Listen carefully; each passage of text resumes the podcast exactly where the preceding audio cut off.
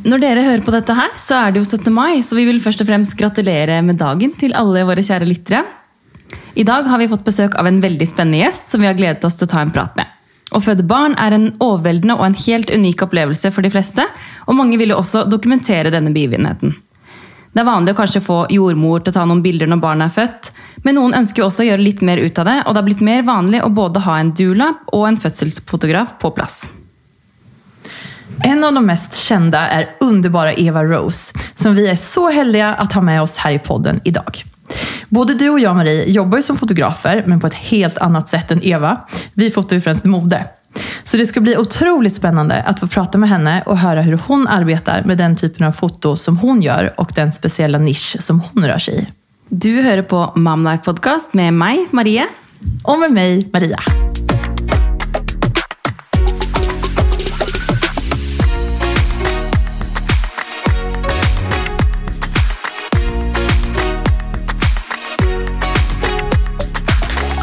Välkommen hit, Eva Rose! Tusen, tusen takk! Det er så koselig å være her. Og dette her var veldig hyggelig. Jeg visste ikke at dere var fotografer, så dette her blir noe ekstra stas. Ja, det blir ekstra. Vi er så glade at du er her i dag. Koselig. Jeg måtte begynne med å spørre deg, er Rose ditt riktige namn? Ja. Det er det, For jeg lurte på om det var et artistnamn eller et sånt arbetsnamn. Nei, min mor heter Sally Rose. Oi. Hun kommer fra England, så jeg halvt engelsk. Det er utrolig vakkert. Ja. Du arbeider jo som både doula og forlossningsfotograf. Og fotograf tror jeg at de fleste har koll på hva det Ja. innebærer. Men hva innebærer det å arbeide som doula? Doula, da er du der for å støtte kvinner. Eh, og det kan være gjennom eh, Som regel så er det gjennom eh, svangerskap, fødsel og barsel. Men man kan også støtte kvinner som skal dø. Og da er du en dødsdoula. Så jeg jobber nå både som dødsdoula og som fødselsdoula. Så det er egentlig rett og slett bare å støtte og vise kjærlighet, trygghet, være til stede og gi det kvinnen trenger og ha litt sånn antennene ute på hva som trengs. For det er ikke alltid man vet hva man egentlig trenger. Og det å kunne føre litt på intuisjon og tørre å ta litt plass, gjør ofte at man eh, får fine opplevelser, både de som tar imot, og meg som gir. Det er en utrolig viktig og ikke minst spennende jobb da, som du har. Eh, og vi er jo litt nysgjerrige på hvordan du ble det du ble. Eh, har du alltid visst at du ønsker å hjelpe kvinner? Mhm, Nei, det har jeg egentlig ikke. Eh, Når jeg var liten, så skulle jeg til Afrika og ta bilde av alle de sultne barna. For det var liksom mitt største ønske. Da var jeg veldig liten. Eh, Jeg fikk mitt første kamera da jeg var tre år. For jeg kommer fra en tredjegenerasjons fotofamilie.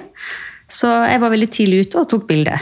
Eh, Men jeg skulle ikke være sånn som pappa som bare tok bilder av konfirmanter og sånne kjedelige ting. Så jeg ville liksom jeg skulle reise rundt i verden og Men så eh, En av mine første kunder det var bladet Babydrøm eh, og Gravid. Og der hadde de lyst til å ha en fødsel i hvert nummer.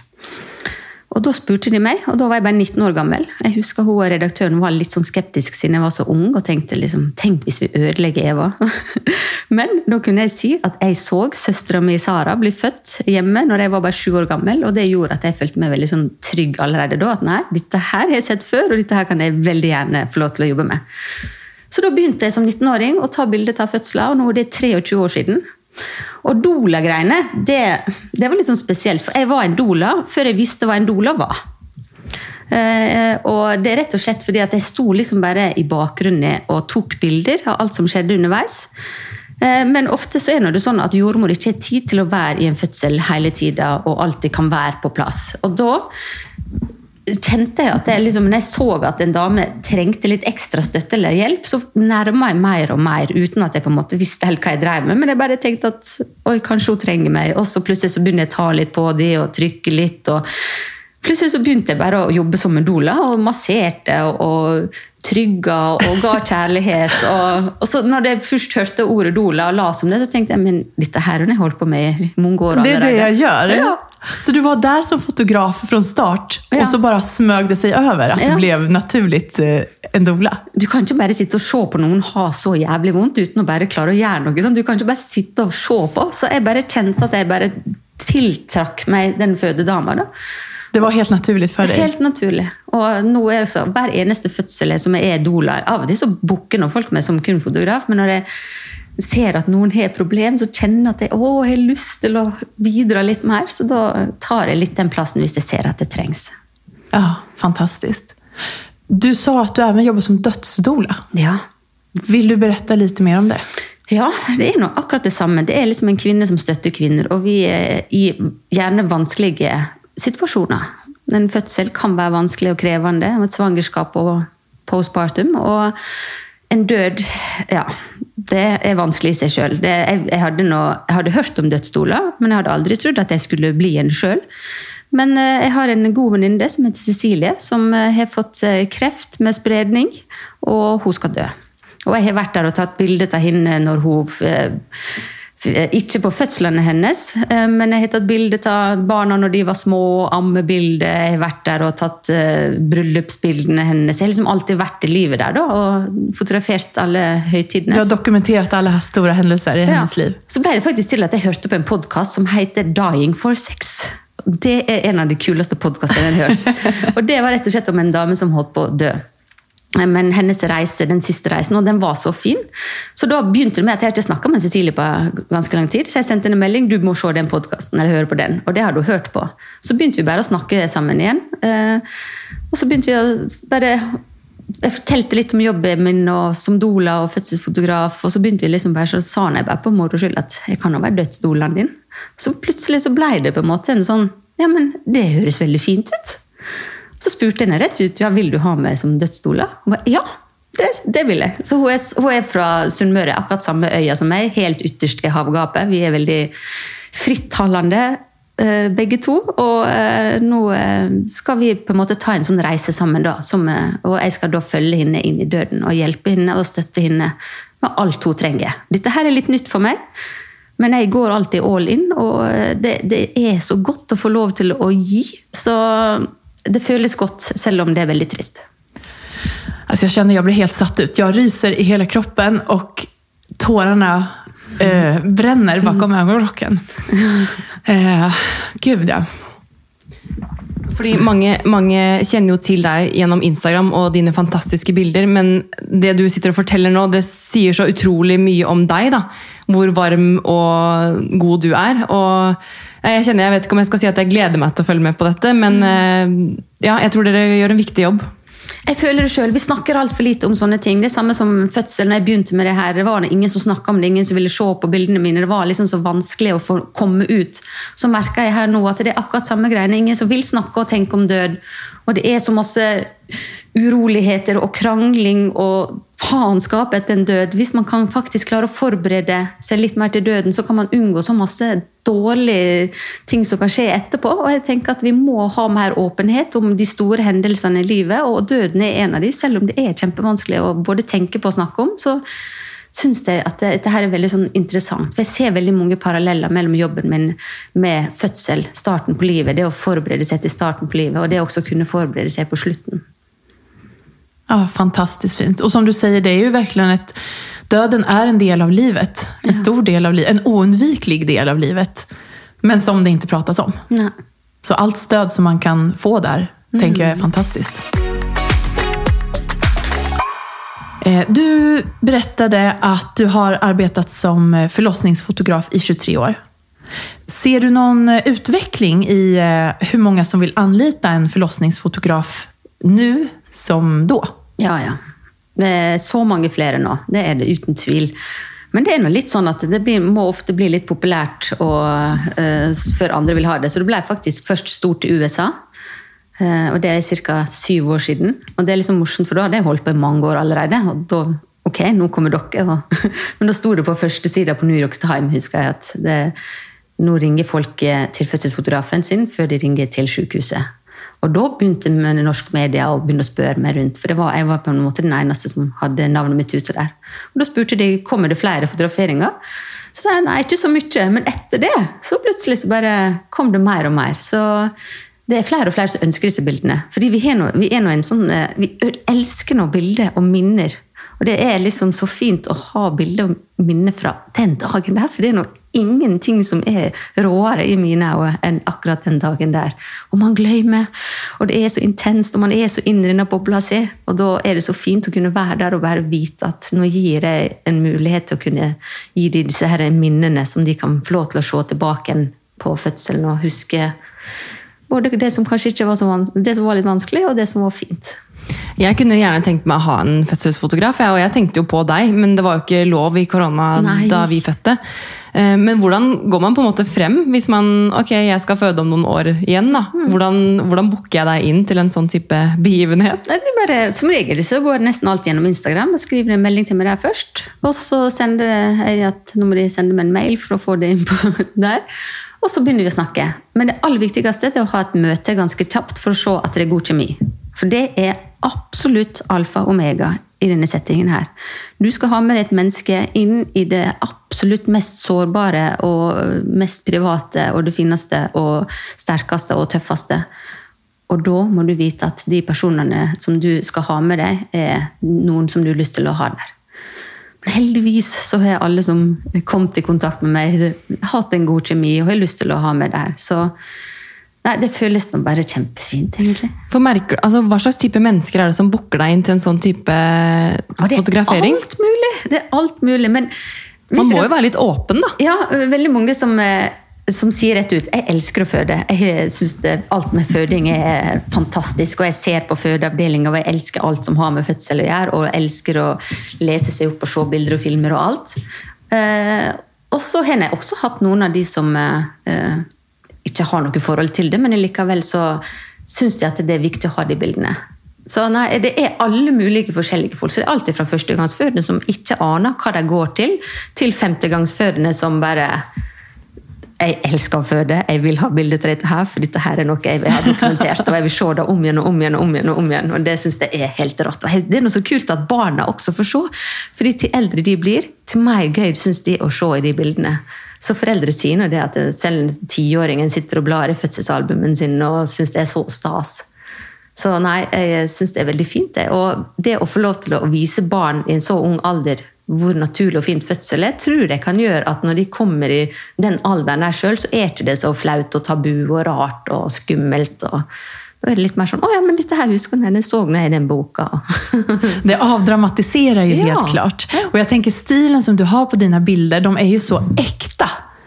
Det er jo verkligen, det är inte stageat på något vis, utan det er jo der og da i stunden. Og du er jo verkligen otrolig på å fånge de her fina øyeblikkene. Takk, det er veldig hyggelig å høre, altså.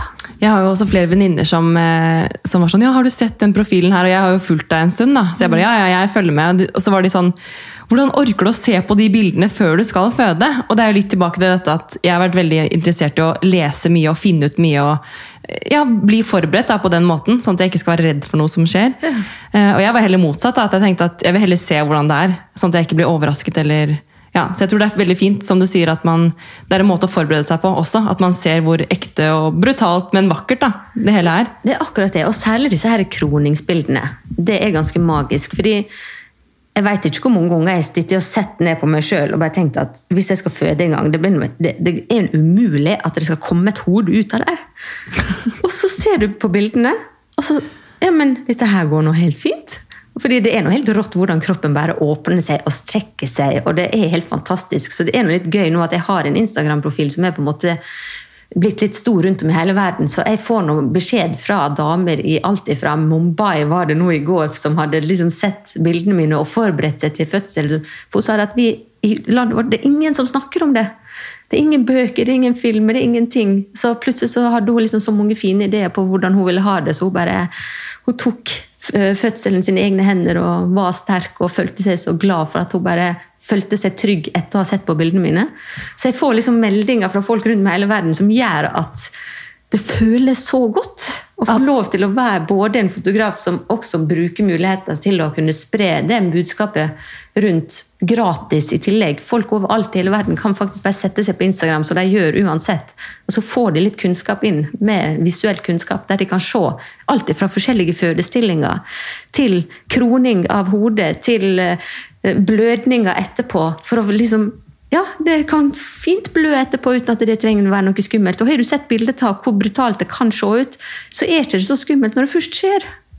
Nej, för det är ju, alltså dina bilder är ju, jag, när jag ser på dine bilder så er det mange som jeg har tenkt at å herregud, jag, jag har själv fött två barn. Och jag, när jag ser dina bilder så förstår jag inte själv att jag har gått igenom det där. Det er så mange som sier akkurat det. Er det det? Ja, Men de sier også 'fy faen, så rå vi er', som vi har klart å få til det. Ja, ja. ja, jag, jag blir helt uh, satt ut. Alltså, att det är. Men hvordan hur förbereder du dig inför en fotografering? Du sa det lite att du träffar uh, föräldrarna, som du, som Ja. de blivande föräldrarna. Vad, gör- vad tänker du mer? Hur förbereder du dig? Ehm, for, det er noe Det som er mest kjipt med jobben min, det er denne ventinga. Det er helt sjukt hvor mye jeg går rundt og venter og venter. For jeg er klar fra uke 38 til 42.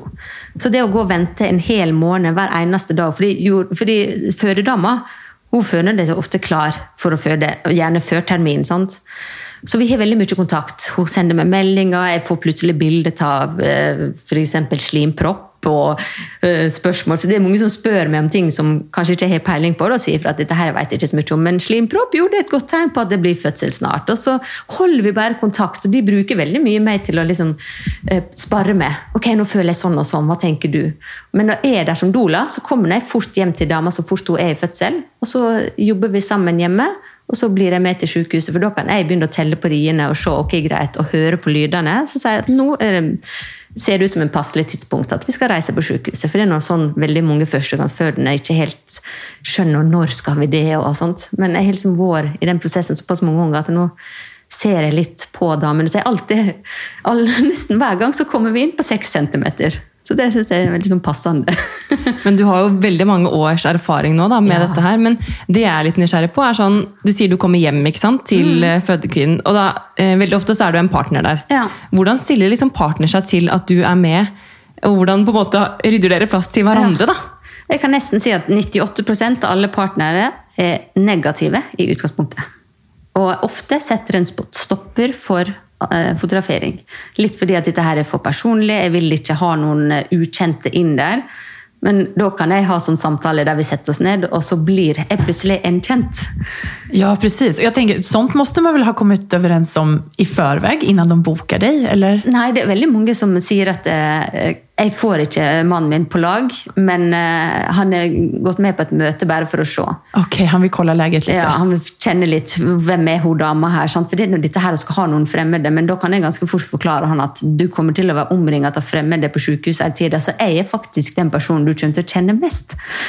Fordi vi kommer til å ha kontakt. Eh, og så viser de alt fra hip squeeze, eh, som er sånn smertelindring, og så gjør vi det sammen. For jeg sier det hele tiden at jeg skal ikke i nærheten ta din plass. Det jeg skal gjøre, det jeg kan, jeg kan backe deg når du eh, føler deg håpløs og ikke vet hva du skal gjøre for dama di. Da kan jeg gi deg arbeidsoppgave. Kanskje du allerede vet det. Kanskje du allerede har lest det opp og kan alt. Men hvis ikke du kan alt og er usikker, så er ikke det fint å ha en doula her som kan på en måte bare guide deg inn, og så gjør vi det her sammen. For det er teamwork. Fødsel er teamwork. Og jeg er litt uh, drilla nå på å se hva damer trenger. Kanskje til og med litt før de faktisk trenger det. Så da er man liksom på plass, og man tar og man kjenner. Og absolutt alle mannfolka har vært så fornøyd etterpå. Og de roser meg i skyene, og de er så glad for de bildene. For de sier også at jeg hadde aldri fått de bildene her til med første møte sjøl. Så blir de så rørt, og det er det jeg syns er så fint. At de er så negative i utgangspunktet. og bare, Hvorfor i all verden skal vi ha bilde av noe så grusomt? og nei, Dette her henger ikke på greip å bruke penger på noe sånt. og så og så når de er ferdige, så er de bare sånn, de kaster seg rundt halsen min og så glad for at vi har vært der. Det er teamwork, og vi er plutselig liksom sånn Man vet jo ikke hva man går til, og det vet jo ikke mennene heller. Nei. Så det, det trengs mye samtaler og bli kjent, rett og slett.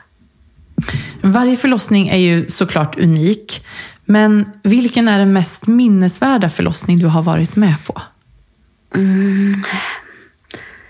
Jeg kan si sant, eh, en, Den andre fødselen jeg var på, med på, det var en baby som ble født. Hodet kom ut og titta rett i kamera.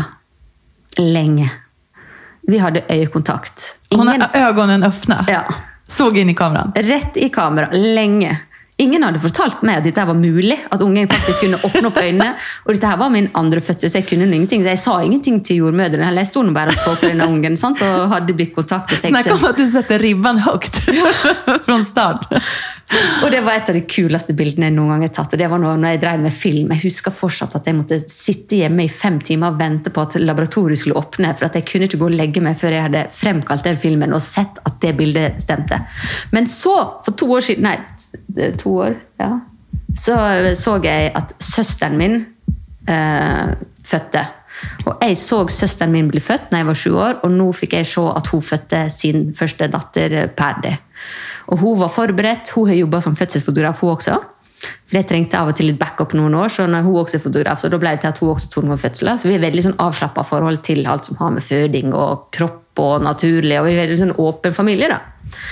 Men det å få lov til å se søstera mi føde, og hvor fantastisk rå hun var og det å liksom Jeg var nå der som dolaen hennes også, og hun hadde verdens beste partner som støtta, og det var så mye kjærlighet. Og jeg hadde til og med mannen min der. Han, var, han er også blitt fødselsfotograf. det er veldig mye morsomt. Men han, eh, han fikk også være der, så det var liksom bare sånn kjempefin familiebegivenhet på ABC. Der vi holdt på i 17 timer, vi sov litt sammen, og så lå vi i seng. Altså. Fordi, ja, jeg har også lurt på dette med, i forhold til ABC. da. Fordi Er du kun med på fødsler uten eh, holdt jeg på å si, medikamentsmertelindring? Du er med på alt? Alt. Alt. Det er nesten minst like viktig å være inne på sykehusene. Men jeg må nå innrømme at jeg syns det er finest de fødslene hvor man for er hjemme eller på ABC og har litt roligere omgivelser. For på sykehuset så kan det fort bli veldig sånn klinisk. Litt lett. Litt, det blir liksom ikke like lett å lagre den koselige, varme fødebobla. For jeg er veldig sånn, jeg liker å lagre koselig rundt meg. Så når jeg kommer til et sted i fødsel, så er det alltid fra stearinlys der og der, og lage fint lys og lagre koselig. og sånt. Eh, det er ikke like lett på sykehusene når lameller som ikke fungerer, og det er sollys rett inn. og sånt, For man skal nå på en måte ha det litt mørkt og dunkelt og for å få oksytocin til å flyte. Og... Så, men jeg er absolutt på mest faktisk sykehusfødsler. Jeg har nå fotografert 203 eh, fødsler nå, og i hvert fall 100 av dem er på vanlige fødestuer. Er det flere og flere som vil eh, føde hjemme? Det er flere og flere som vil. Og det syns jeg er veldig spennende og fint. Det er noe veldig mange som snakker negativt om eh, hjemmefødsel og snakker om eh, at både mor eh, dør og barna dør, og det er ikke måte på. Men nå har jeg jobba som fødselsfotograf i Norge 23 år, og det har aldri vært et eneste dødsfall. Ingenting som har gått galt på noen fødsler, ikke bare mine fødsler, men i hele Norge generelt. Ingen som har dødd. Så da blir det sånn, er det Hvor er de døde barna som folk snakker om? Eh, så er det noe med at eh, nå har det vært covid. Folk har fått lov til å kjenne på denne uroen med å skulle føde alene. Eh, og det å kunne ha den muligheten til å kunne føde hjemme med partner til stede, med doula til stede. Du velger sjøl hvem du vil ha der. Så det har blitt flere og flere som ønsker det. Og så er det også det at forskning og artikler og alt som har med evidens rundt hjemmefødsel, er mye mer tilgjengelig nå, så folk kan gå inn og lese. Og det er ikke Så lenge barnet ditt er eh, friskt, og du er frisk, så er det helt fint å ta en hjemmefødsel. Men hvis du tar hjemmefødsel, eh, for du, du støtter jo kvinnen, ikke sant? og så tar du kanskje bilder i tillegg også. Mm. Men hvem er det som tar imot barnet da? Er det en jordmor ja, til stede i tillegg? Ja. ja. ja, det er alltid jordmor. Selv om du mm. er Det er noe som heter uassistert fødsler, som dessverre har gått opp i tall i løpet av covid nå, fordi det er mange som ikke har fått tak i hjemmejordmor og nekter og skal føde på sykehus uten partner, så de har født uassistert hjemme. Så har det, du vært med på det? Ja. Hvordan har det gått? Det endte opp på sykehuset. Uh, heldigvis, på en måte. Jeg, jeg, jeg støtter ikke jeg, sånn, For meg en hjemmefødsel skal være trygt, og da trenger du helsepersonell. Du trenger en jordmor som vet hva hun driver med. Uh, men hvis det ikke finnes noe valg, og kvinnen absolutt ikke vil, så syns jeg det er bedre at jeg er der enn ingen er der. Ja, det er klart. Men eh, det er, jeg syns det kan være litt eh, skremmende og litt skummelt. Eh, det synes jeg absolutt. Og Det er derfor jeg på en måte er en veldig sånn forkjemper på at hjemmefødsel burde være en del av det offentlige tilbudet. For da ville det vært mye tryggere. Mye mer tilgjengelig for andre. Sånn som for I Nederland så er det sånn hvis du er gravid, så får du din eget jordmorteam på tre stykker jordmødre som du blir kjent med, som følger deg gjennom alle svangerskapskontrollene. og Så er det en av de tre som er med på fødselen din, og så er det de tre som kommer eh, hjem til deg. og Der er det sånn tolv besøk etterpå og før, og det er så mange besøk at det, sånn som i Norge her, vi klarer ikke et eneste Jeg tror det er 60 det som ikke får engang en eneste besøk hjem etter fødsel. Og denne postpartum-tiden den er så sårbar, og den er så vond og smertefull, og det kan være alt. Hvis du er redd og trenger hjelp, så må du på en måte ha den mulighet til å kunne få hjelp. Og her i Norge så sliter vi med å kunne tilby det, og det syns jeg er synd. Men der kan jeg komme som doula, som barseldoula, og hjelpe til med alt fra amming til til og med passe på babyen, så mamma kan få ta seg en dusj. Sant? Av og til så må man tenke på seg sjøl for å kunne være den beste for babyen sin etterpå. Veldig viktig at du sier det, og det har jeg litt tenkt på også at eh, du er der med veldig for å forberede, men så har jeg også lurt på hvor mye du er på en måte med i etterkant, og hvordan eh, Du virker jo veldig sånn åpen og varm, og altså, du stiller opp, på en måte, men man må jo, jeg skjønner jo også at dette er, en, dette er jo jobben din. Dette er jo det du tjener penger på. Ja. Hvordan, hvordan løser man liksom det, og hvordan ja, Du tar deg jo tid da, til å være med fødekvinnen, men er det sånn at hun booker deg inn nå skal du være her en dag etterpå? Eller hvordan Nei, ta... gjør du det praktiske, liksom? alt må tas litt på gefühlen. Du er nødt til å ha et veldig sånn fritt og åpent liv. Eh, nå har ikke jeg barn sjøl, og det gjør at denne jobben her er en god del lettere. At jeg kan bare slippe alt jeg har i hendene, og hvis en fødedame trenger meg, om det så er etter fødsel med, med postpartum-tiden, og hun ligger der med blødende brystvorter og griner og klarer ingenting og får ikke hjelp fra helsevesenet, så har jeg kommet uten å ta betalt for det med. sant? Fordi det føles ikke Hvis en dame er helt i nød, og det, det, det er ikke penger det er snakk om da. Da har hun allerede på en måte betalt meg for en jobb, jeg har allerede vært der. Men så trenger hun meg litt ekstra på slutten der eller ettertiden, så da stiller man opp. Så man, det er veldig generelt lite penger i dette her, det skal sies. Man blir ikke rik som fødselsfotograf i det hele tatt. Men Du gjør en jeg blir- utrolig viktig jobb. jeg blir så rik i hjertet mitt, for det er noe av det råeste. Jeg tenker å få lov til å være i denne fødselsbobla og få lov til å ta del av det her. Det er noe Alltså jag känner, jag vill bara krama dig. Du, du er en så otro, som du säger, du är en sån otroligt varm person. Det er koselig å høre. Jeg vil ha deg med på fødselen. Jeg kommer med en gang. Bare si ifra. Jeg gleder meg veldig til å komme meg i gang i jobb. For jeg får fortsatt ikke lov til å komme tilbake på sykehuset. Så nå har det vært eh, et veldig rart år. Det har det. Det har du. Eh, du berättade om den, eh, den fina minnena med en förlossning där med din syster som du var med och stöttade. Eh, har du någon gång vært med om en förlossning som ikke har gått så bra? Nei. Alt har gått bra. Det har vært vanskelig, selvfølgelig. Det, men alt i alt vi, vi, Norge er verdens tryggeste land å føde i. Eh, Vi har, eh, vi har så masse flinke folk. Så det, det har vært hektisk, og plutselig så eh, må ungen rett ut, f.eks. Men den kommer alltid tilbake igjen, og det er veldig fint. Og så er jeg der, og så får jeg lov til å Det, det nesten viktigste med min jobb, det er selvfølgelig å være der og støtte underveis. Men de samtalene etterpå, når man, en kvinne har fått lov til å være gjennom en så stor begivenhet, så har man mange spørsmål etterpå. Og dessverre så har ikke vi muligheten alle her i Norge til å snakke med jordmor som fulgte deg i fødsel. Kanskje det er flere jordmødre.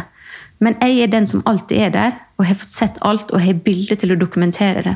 Så uansett hva hun har spørsmål om etterpå, så kan jeg gi et svar. Og det er så ofte, Hvis det skjer litt vanskelige ting som gjør at det kan bli litt dramatisk, så er det så fint å få snakke om det etterpå, som gjør at de her sperrene på at 'dette skal jeg aldri gjøre igjen', går bort. For det er mange jeg har klart å overbevise til å skulle ta, få et nytt barn. Jeg ser at ønsket er der, men de har vært for redde. Og da er det mange fine samtaler som skal til for at de på en måte finner troen og, tryggheten til at greit, jeg skal ikke la dette her stoppe meg, fordi jeg vil ha et barn til. Jeg tenker jo at De som lytter, på, lytter til podkasten vår nå da, og, og tenker at de gruer seg til fødsel, eller tenker at de ikke ønsker å bli gravide fordi de er redde, så tenker jeg at alt det du har sagt til nå, det er jo en stor betryggelse i seg selv. Fordi du er så trygg på jobben din, og du har så tro på kvinnen. da, Ja. eh, Og alt er mulig. Og da tenker jeg at eh, de som hører på, må bare ta det til seg og ja, eventuelt kontakte deg da, hvis de ønsker litt ekstra bistand. Ja, rett og slett. Ja, for det handler jo om å kjenne seg trygg både før, under og even efter. Ja. Og det er der man behøver litt ekstra støtte. Mm. Og spesielt under fødsel. Hvis du føler deg trygg, så klarer kroppen å åpne seg på en helt mer naturlig og fin, enkel måte. Er du redd, full i adrenalin, så ser jeg Jeg kan kjenne på hele kroppsspråket til en dame at nå er hun i sånn eh, fight-flight-mode, og det, er- det er ikke plass til at den ungen skal rotere det ned i bekkenet når hun fighter imot alt. Man spenner seg, Ja. ja. mm. Da kan jeg bare gå bort, så tar jeg hendene, så holder jeg på en plass, og så kjenner jeg, ok, fordi det som er veldig viktig da, det er at noe vil ikke bli tatt på i det hele tatt i en fødsel. Så der må du virkelig ha sosiale antenner, så kan du gå bort, så tar du en hånd, og så kjenner du fort, synker den inn i, eller stritter hun imot. Stritter hun imot, så er ikke hun klar for å ta imot. Eh, Men som regel så kjenner jeg at hendene synker inn i, og bare, ok, nå ga jeg denne her tryggheten til at hun kanskje klarer å slappe av litt. Og så fortsetter jeg. Kanskje jeg holder, stryker. Jeg til og med sitter og kysser kvinner på kinnet og holdt de, og jeg ligger i senga og har spuna de. og vi, det er liksom, Jeg har gjort ting jeg aldri trodde at jeg skulle gjøre. Men eh, det å bare kunne få noen som ligger tett inntil det Av og til så kan man få sånne ristinger. At man ligger bare og rister. Du fikk det, ja, sånn. Og da bruker jeg ofte, og så kommer så bare holder jeg altså, Ligger liksom bare og eh, krames. og holder inntil. Og så puster jeg høyt, Fordi da vet jeg at hun hører min pust, og så er det lettere for henne å følge den pusten. Og så slutter ofte de her ristingene, og så blir man liksom sånn myk og bløte sammen. Og da, liksom, da kan hun få tiden sin igjen. Og det er veldig gøy, for nesten alle det her skjer med. Så sier de det seinere. 'Herregud, jeg husker når du plutselig nesten kom og bare la deg oppå meg', liksom. Men det var akkurat det jeg trengte! Det var, akkurat det jeg trengte. Det var helt rart. Jeg ville tro at jeg skulle slå vekk alle som var i nærheten, men jeg trengte det er så sårt. Jeg visste ikke at jeg trengte det engang. Og der var du med den tyngden og kjærligheten din, og du bare fikk meg rolig. Og så kunne vi fortsette å føde babyen. Jag känner, jag blir avslappnad nu när vi sitter och pratar. Men eh, har det hänt någon gång att eh, mamman eller föräldrarna har ångrat sig under förlossningen och vill avbryta fotografering? Nei, aldri. Aldrig. Men jeg er nå en fotograf som kan yrket mitt. Jeg, kan, jeg vet hva lukker og blender og is, og jeg kan alt det tekniske. De sitter i fingrene mine. For du kan ikke få noe paparazzi inn på fødestua. Tenk så irriterende med denne klikkelyden konstant. Bliks, Så jeg, kanske. går, ja, så jeg går bort, tar et bilde, klikk, ferdig. Ok, greit. Og så flytter jeg meg litt rundt. Så det, det skal ikke være denne her konstante fotografering. Man skal ikke føle at man blir fotografert. Men av og til så de damene som på en måte virkelig vil ha meg og de bildene, de kan hvis ikke de har hørt kamera på en stund, du ligger liksom og jobber i senga, og så plutselig så åpner de opp øynene og så bare hvor er jeg? Hvor? Sånn, jeg har ikke hørt den lyden. Skal jeg ha post? jeg, jeg får alt jeg trenger. Å ja, ok, greit. Ja, nei, men nå da veit jeg. Så du, du er en, eh, en fluge på veggen? Oftest, Oftest. ofte så er det. Men Vi snakket litt om det i stad, men, men eh, er det oftest at du er med både som doula og fotograf? Eller som altså, kombinert rolle?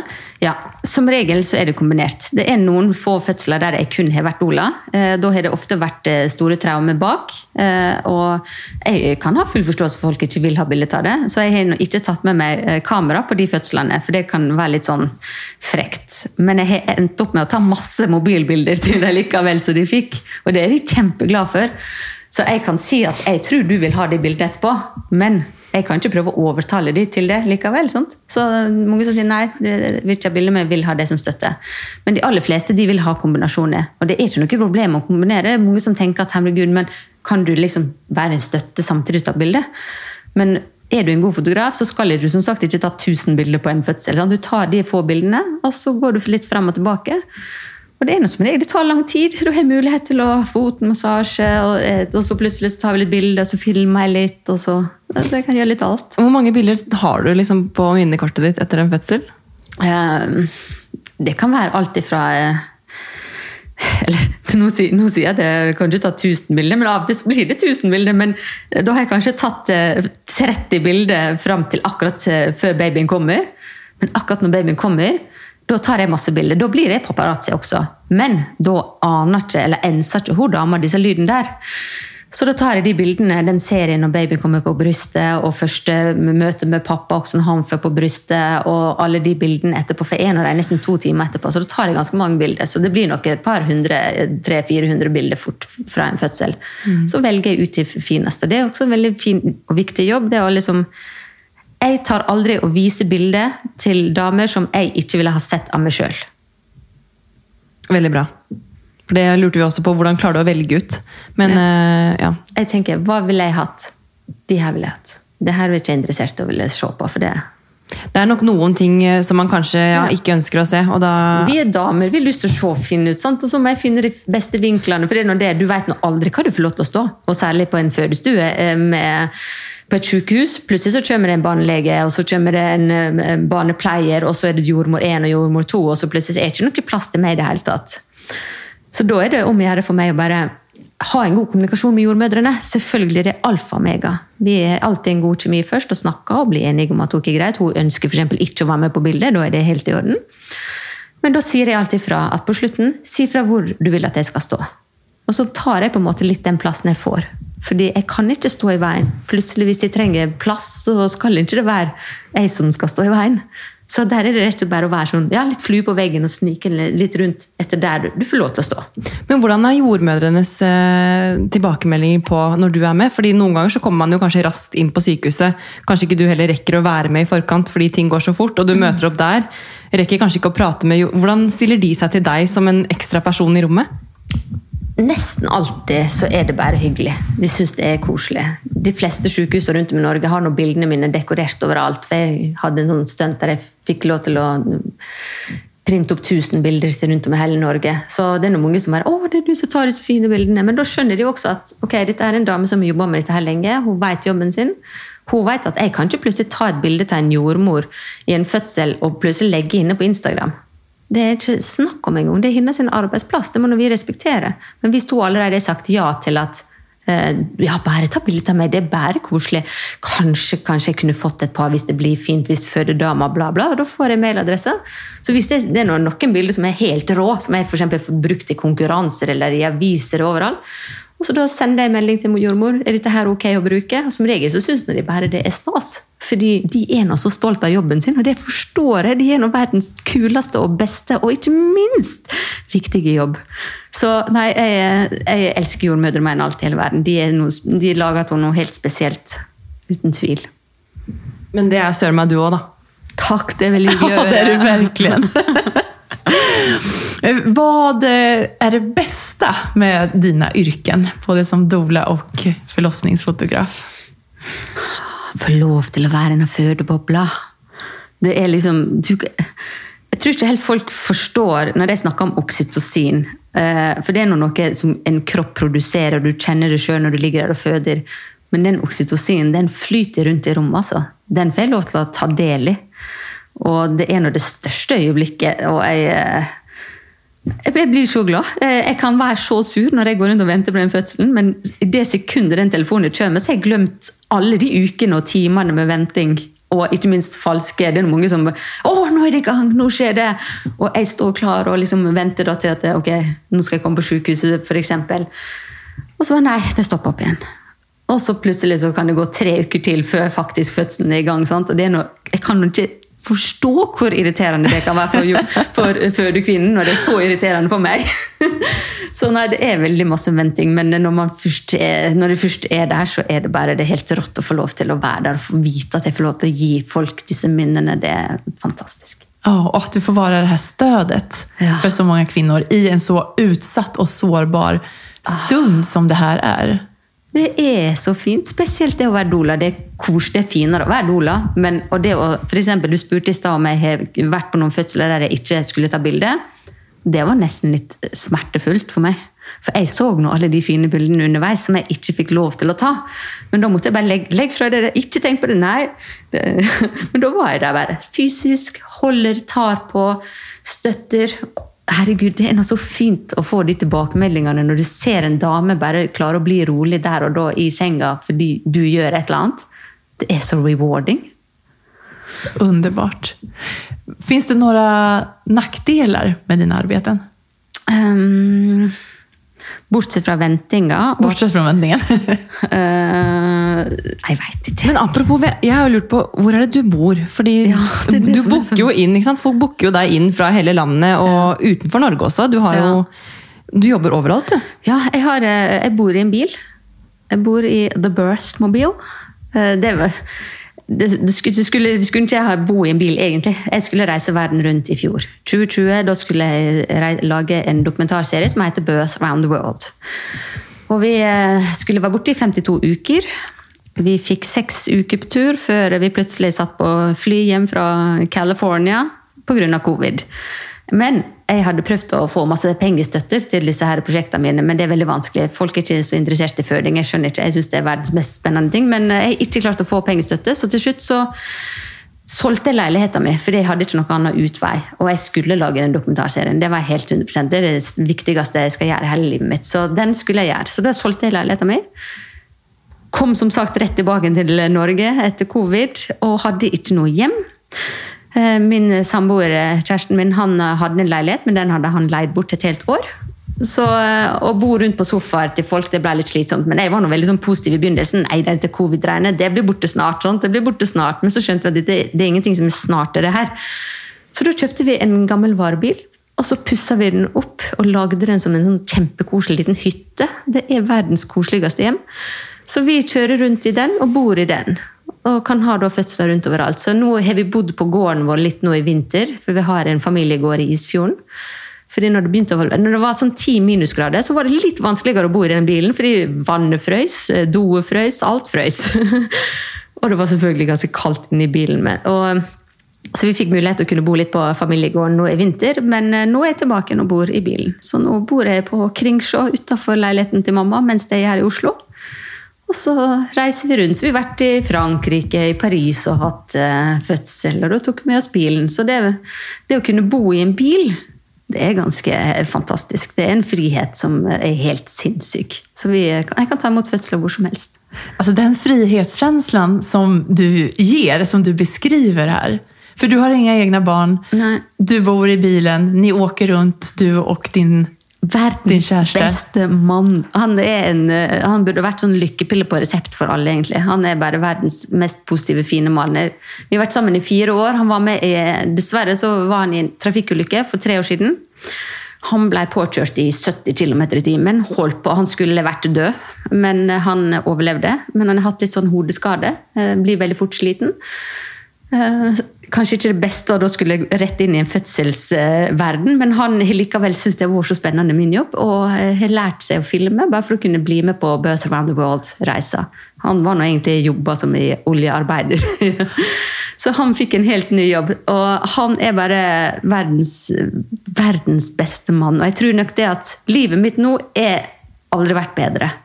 Jeg trodde at jeg skulle ha fem barn. Lang historie, det ble ikke sånn. Men eh, jeg har verdens fineste mann, og vi har den friheten som gjør at vi kan reise rundt og gjøre ting og satse ting på, som kanskje kan være litt skummelt for de som har et barn. og har den, Man må ha litt tryggheter og rammer. Det trenger ikke vi, for det er kun oss. Vi vil alltid klare oss. Vi har alltid den bilen. Så nå er det bare å reise rundt hvor vi får jobb, og ta fødsler. Jag ryser i hela kroppen. Alltså Maria och jag sitter här och skakar på våra huvuden och är helt tagna av dig Eva. Det er så koselig. Det er en boost å bare sitte Jeg blir helt inspirert. Jeg har lyst til å føde igjen. Jeg, nå. nå er det bare, Georg, når han kommer hjem, da er det bare å sette i gang, fordi nå er nummer to på vei her. Och jag har lust att bli doula. Ja. Ja, skjønner jeg veldig godt. Og hvis dere er fotografer som sagt, Jeg visste ingenting om, jeg var nå motfotograf i alle år fra jeg starta som fotograf. Det var liksom det jeg så trodde jeg skulle drive med. Men så kom denne her babygreiene plutselig inn fra sida her.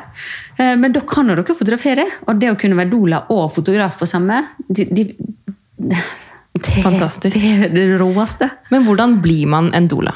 Um, det er ingen beskytta tittel, så du kan egentlig kalle det en doula nå. Uh, jeg var usikker på om jeg kunne kalle meg en doula, men som de sa på doulaskolen, at du har nå vært en doula lenge før vi visste omtrent hva en doula var, så du kan helt fint kalle deg sjøl en doula. Men det fins doulaskole, det fins kurs, hypnobirth, spinning babies, alt mulig. Uh, så det du, men også, du må nødt til å virkelig, virkelig være glad i eh, den reproduktive Dette er ikke for alle. Nei, det er ikke for alle. Du kan ikke være for eksempel, for, for, eh, hvis du er redd, eksempel. Du kan ikke være redd i denne bransjen, for du skal kun utstråle varme og trygghet. Og da må du være trygg i deg sjøl. Men det er verdens kuleste jobb. Så hvis man kjenner noen du, Hvis for eksempel, du er nysgjerrig på å være doula, snakk med noen du kjenner. Kanskje på din neste fødsel. Eller hvis jeg, jeg, jeg kan være fotograf, så kan hun være doulaen din, f.eks. Bare det å få lov til å prøve. Være i en fødsel, se hvordan det er på være på andre sida de fleste blir solgt. Det blir det. Og vi har lyst til å du, eh, jeg kjenner jeg bare blir så inspirert og tenker at eh, det å føde barn det, Vi har jo snakket masse om det før, at det er en fantastisk mulighet. og ja, man, altså, Vi kvinner er jo søren meg helt rå. Så jeg tenker at Avslutningsvis så har jeg lyst til å spørre deg om eh, Det er sikkert mange som hører på som skal føde. Hva er liksom ditt siste og beste tips til en kommende fødekvinne? Ehm, du er nødt til å forberede deg. Det finnes så masse bøker og filmer og alt mulig. Og det er så viktig, for knowledge is power. Du er nødt til å være din egen advokat innimellom. Og det å gå rundt og satse på at de på sykehuset vet best, det er, ikke, det er ingen som kjenner deg sjøl bedre enn deg sjøl.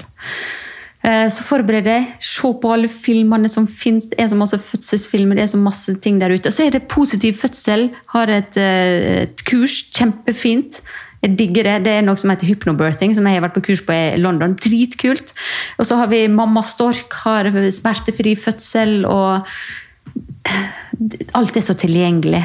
Det er det som er så kult. I forhold til 20 år tilbake så var det så vanskelig å forberede seg til dette. For man visste ikke, Det var jo ikke bøker, det var liksom ingenting. Nå har vi podkaster. Vi, vi, har alt. Alt ligger til rette til at det skal være enkelt å forberede seg. Så vær så snill, bare forbered dere. Gå inn med trygghet og kickass. Fordi dere damer dere er så mye råere enn det dere, gjør dere gir dere sjøl kred for. Og det ser jeg hele tida.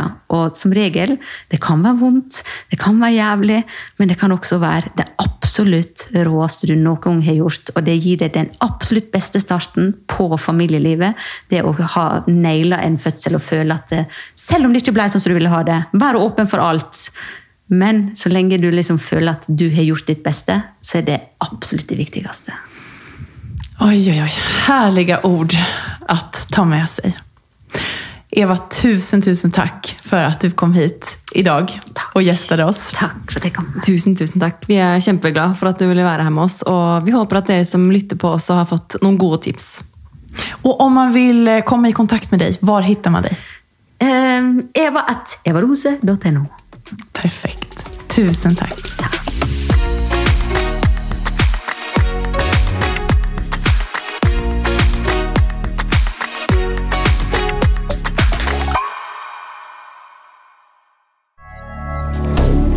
Moderne media.